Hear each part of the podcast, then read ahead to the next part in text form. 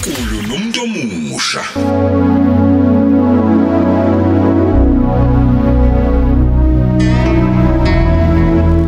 Angibingelele umethulo ohlelo sisiboniswa moto ngibingelele umdidiyeli wohlelo mfundisi ulungisani simelana emakhaya ngibingelela abantu abasha emabandleni. Ngibingelele nabaphathi bethu abantu abasha emabandleni wonke. Ngibingelele nabaphathi bethu singabantu abasha abefundisi noma umfundisi emabandleni. Siyabingelela kakhulu egameni lenkosi yethu uJesu. Siyambonga ke nje uNkulunkulu emuhle namhlanje kuyisonto. Udumo lumfanele izibongo zingezakhe.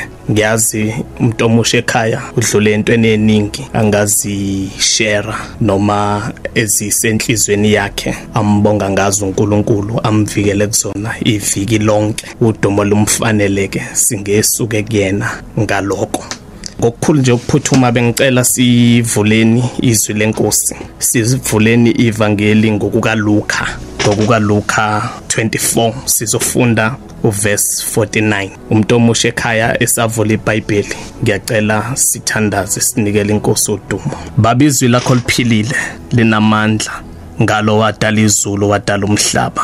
Nangumuntu omusha uNkulunkulu ekhaya olalela izwi lakho vula ingqondo zethu namhlanje ukuba ziqonde imibhalo ngegama lika Jesu Kristu. Dumo lonke lokufanele izibongo zonke zikufanele.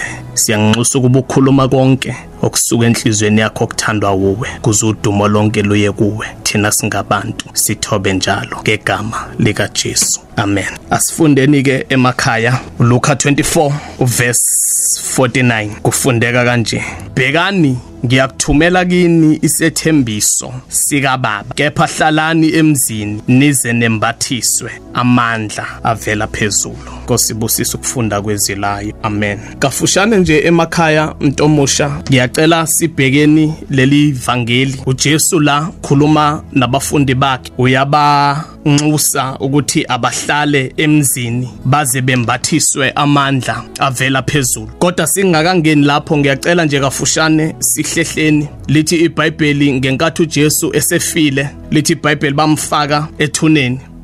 Ngenkathi sebemfakile ethuneni siyazi sonke ukuthi ngosuku lesithathu wavuka. Engakavuki lithi iBhayibheli ngalo usuku lesithathu oMaria baya beyogcoba isidumbu sakhe ngamafutha. Amanye amavangeli athi bafika itshe seliginqiwe kodwa amanye amavangeli athi bathi befika ingelosi yaliginqa phambi kwabo itshe. Ngicela sisebenze ngalelo humusho lokuthi itshe laginqwa phambi kwabo. Ngenkathi itshe liginqwa kuthiwa ingelosi yabonakala ethuneni. Uma ibonakala ethuneni kuthiwa yaliginqa itshe. Ngenkathi liginqa itshe kuthiwa amasosha ayegadile lapho ithuna kuthiwa abanjwa amandla ashayeka phansi. Ngenkathi eseshayekile phansi ingelosi yabisikhuluma koMaria ithi nimfunelani ophilayo kwabafileyo. Akekho la uJesu uvukile. Ingelosi ngenkathi iqeda ukusho njalo yabisitshela uMaria yathi hambani niyotshela abafundi ukuthi ushilo uJesu ukuthi uyakonandulela eGalile. Lithi iBhayibheli aba oMaria basuka bahamba beya manje ukuyotshela abafundi. Ngenkathi beyotshela abafundi ukuthi uthe uJesu akuhlangana eGalile lithi iBhayibheli amasosha lawa wona kade gadile ithuna nawo abe esevuka ethuneni emva kokuba banjwe amandla. Kafushane bengifuna sikhulume ngezindlela ezimbili ezizalwa yithuna lika Jesu indlela yokuqala ezalwa yithuna lika Jesu ile ndlela yo Maria eyotshela abafundi ukuthi ahlanganeni eGalile. Indlela yesibili ezalwa yithuna lika Jesu ile ndlela ethathwa amasosha emva kokuba ebanjwe amandla. Ake sizweke ukuthi le eyeGalile kuzofika kwenzakaleni eGalile nale yamasosha kuzofika kwenzakaleni kuyona. Kule eya eGalile lithi iBhayibheli ngenkathi oMaria sebetshelile abafundi abafundi basuka straight baye eGalile. Bathe uma befika eGalile uJesu wabonakala entabeni wabesekhuluma lamazwi wathi ngiphiwe amandla wonke. Ezulwini emhlabeni nangaphansi komhlaba. Wabe sebathuma wathi hambani nenze izizwe zonke abafundi bami. Washo ke uma uqhubeka naku ukuthi mbabhabhadise egameni likayise nelendodana nelikamoya engcwele leyo umyalezo esiwuthola kulendlela yokuqala etholwe oMaria ngenkadana bethunywa ingelosi ukuba kuyohlanganwa eGalile. Indlela yesibili ezalekayo ile yamasosha. Amasosha wona lithi iBhayibheli aya kuba priest uma efika kuba priest abapriest bona bafike bakhuluma nawo amasosha ngoba amasosha asho lamazwi athi ayachaza ukuthi kwenzakaleni ethuneni ngenkathi egadile ithuna. Amasosha ayasho ukuthi sithe sigadile ithuna kwehla ingelosi. Ithe yehla lengelosi sabanjwa amatshe isabanjwa amandla yabe isiginqa ithuna. Abapristi babe sebekhuluma lamazwi kumasosha athi ningawutsheli umuntu lo myalezo kodwa nina esifisani kusho kubantu ukuthi nitheni sagadile ithuna bafika abafundi bakhe bamtshontsha Now abantu ababili labathunyiwe kuthunywe laba basagalile kuthunywe laba abangapha bethunywa abapriest kodwa ngifuna sibone iweakness noma sibone ukwahluleka ngenkathi bethuma abapriest bethuma abashumayeli babo noJesu ethuma abashumayeli bakhe. uJesu uma efika eGalile usebanika lo mthetho. Emva kokubathuma uke wakhuluma amazwi wathi hlalani emzini nize nembathiswe amandla. Ngamanye amazwi umuntu omusha ekhaya bengifuna ukukhuluma ngalento. Ukuthi yize noma sebethunyiwe abafundi bethunywa uJesu ukuthi hambani nenze izizwe zonke abafundi bami. Kodwa kune instruction noma kunomyalelo akade bewutsheliwe ongasukanga ekhanda labo lowo ukuthi hlalani. Nize nembathiswa amandla ngoba la eniyakhona anizonqoba ngokuthi nikhuluma kahle kangakanani. Ngoba bakhona nabakhuluma kahle abathunywe abapriesti ukuthi bafikile bamtshontsha ngamanye amazwi lempi akusiyona impi yomyalezo kuphela. Yize umyalezo kumele ube muhle suudlulise kahle kodwa kusiyona impi yomyalezo kuphela. Babe sebekhumbula ukuthi thina siyaliwe ukuthi asihlale size sembathiswe amandla. Noma umyalezo sesiwunawo kodwa ukuba nomyalezo akuchazi ukuthi sekumele sisuke manje siyowudlulisa umyalezo. Umyalezo ukuthola kwabo eGalile ukube kwaba abantu ababengaqeqeshekile kahle. Babezothi beqeda ukuhlangana naye uJesu bafune ngaleso sikhathi ukuphuma bayodlulisa umyalezo eJerusalema nazo zonke indawo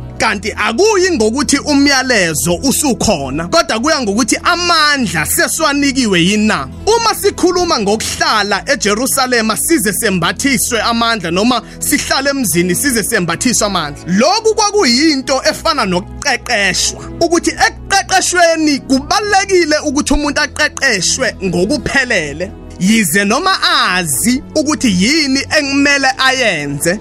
Kodwa ukwenziwa kwaleyo nto ayingeqi isikhathi sokuqeqeshwa komuntu. Ngamanye amazwi omunye wayengaphuma same time noma ngaleso sikhathi evele eGalile amemezela athi uJesu simbonile uvukile. Kodwa umyalezo ababe nawo wongabulali iphuzu lokuthi kumele baqeqeshwe. Lithi iBhayibheli bahamba bayohlala eJerusalem abalinda belinde umoya engcwele. Kuthiwa bahlala from usuku lesi40 kwaze kwashaya usuku lesi50 insuku eziwu10 lezo belindile. Isethembiso. Umyalezo usubahlupha noma umyalezo usubashisa. Kodwa ukushiswa kabo umyalezo bakhumbula into eyodwa ukuthi umyalezo awungashisi ngendlela yokuthi kumele size seqe ukuqeqeshwa kwethu. Ngikhuluma nomuntu omusha ekhaya onento owazi kahle ukuthi no le business le business inkosi ngibizele kuyona kumele ngiqale and ngiyazi ukuthi uma ngenza u1 no 2 izokwenzeka. Yes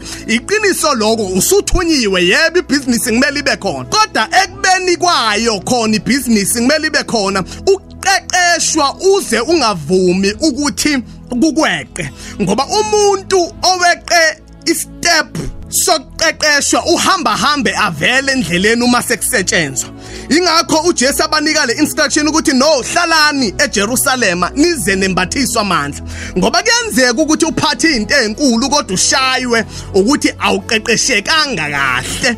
Kuyenzeka ukuthi omunye ethola ukuthi mhlamba ngabekwa abe manager enkulu kwibusiness enkulu ehamba kahle kakhulu. Kodwa uyabona ukuthi no le business manje ayiwiswa ukuthi asazi ukuthi siyirana kanjani. Iwisa ukuthi oyiranayo akaqeqeshekanga kahle. Weqe lo 10 days wokuhlala wokuqeqesheka kwakhe. Bengizomemezela kumuntu omusha lapha ekhona ekhaya oshayelayo emontweni ukuthi no kunesikhathi sokuhlala silinde. Kuyimali lento ekade sithenjisiwe yenzeka. Ukuthenjiswa into akuchazi ukuthi leyo nto sekumele yenzeke kusasa. Ukuthenjiswa into akuchazi ukuthi leyo nto sekumele yenzeke ngeviki elizayo sekumele yenzeke ngenyanga ezayo. Ungayithenjiswa into namhlanje. Kodwa ukuqeqeshwa kwakho ukuthi lento mhlawumbe iyoze yenzeke emva kweminyaka ewu5 hayi ngoba kungamele yenzeke namhlanje. Kuyabonakala ukuthi no uma ungayiqala namhlanje lento awunawo amandla okuyigcina lento okunaloko kumele uqeqeshwe ukuze ukwazi ukuyithwala ukuze ukwazi ukuhlala nayo isikhathi eside. Ngamanye amazwi la esifunde khona uJesu mebanika le instruction yokuthi hlalani emzini nize nembathiswe amandla. Wayazi ukuthi la abayoshumayela khona angeke bashumayele bodwa. Nalaba amasosha athunywa abapriest bazobe beshumayela nabo. Umyalezo wamanga ukuthi no akavukanga abafundi bakhe bamtshontshile kodwa nina enivele egalile ukuze nikwazi ukunqoba lo myalezo bona abeza nabo anizobanqoba ngomyalezo kuphela. Kodwa nidinga umyalezo noqeqesho oluthanda ukujula kunabo. Bayazi abanye ukuthi eh kulaba abazivikelayo ezweni lethu yonke indawo. Indlela umuntu aqeqeshwe ngayo iyena ndlela ayesho ukuthi loyo muntu uyingozi kangakanani. Ngamanye amazwi ukuqeqeshwa komuntu kunako ukuveza ukuthi loyo muntu uyingozi kangakanani. Kanti laba bona uma bethunywa bavele bathunywa bengaqeqeshwanga. uNkulunkulu nomuntu omusha.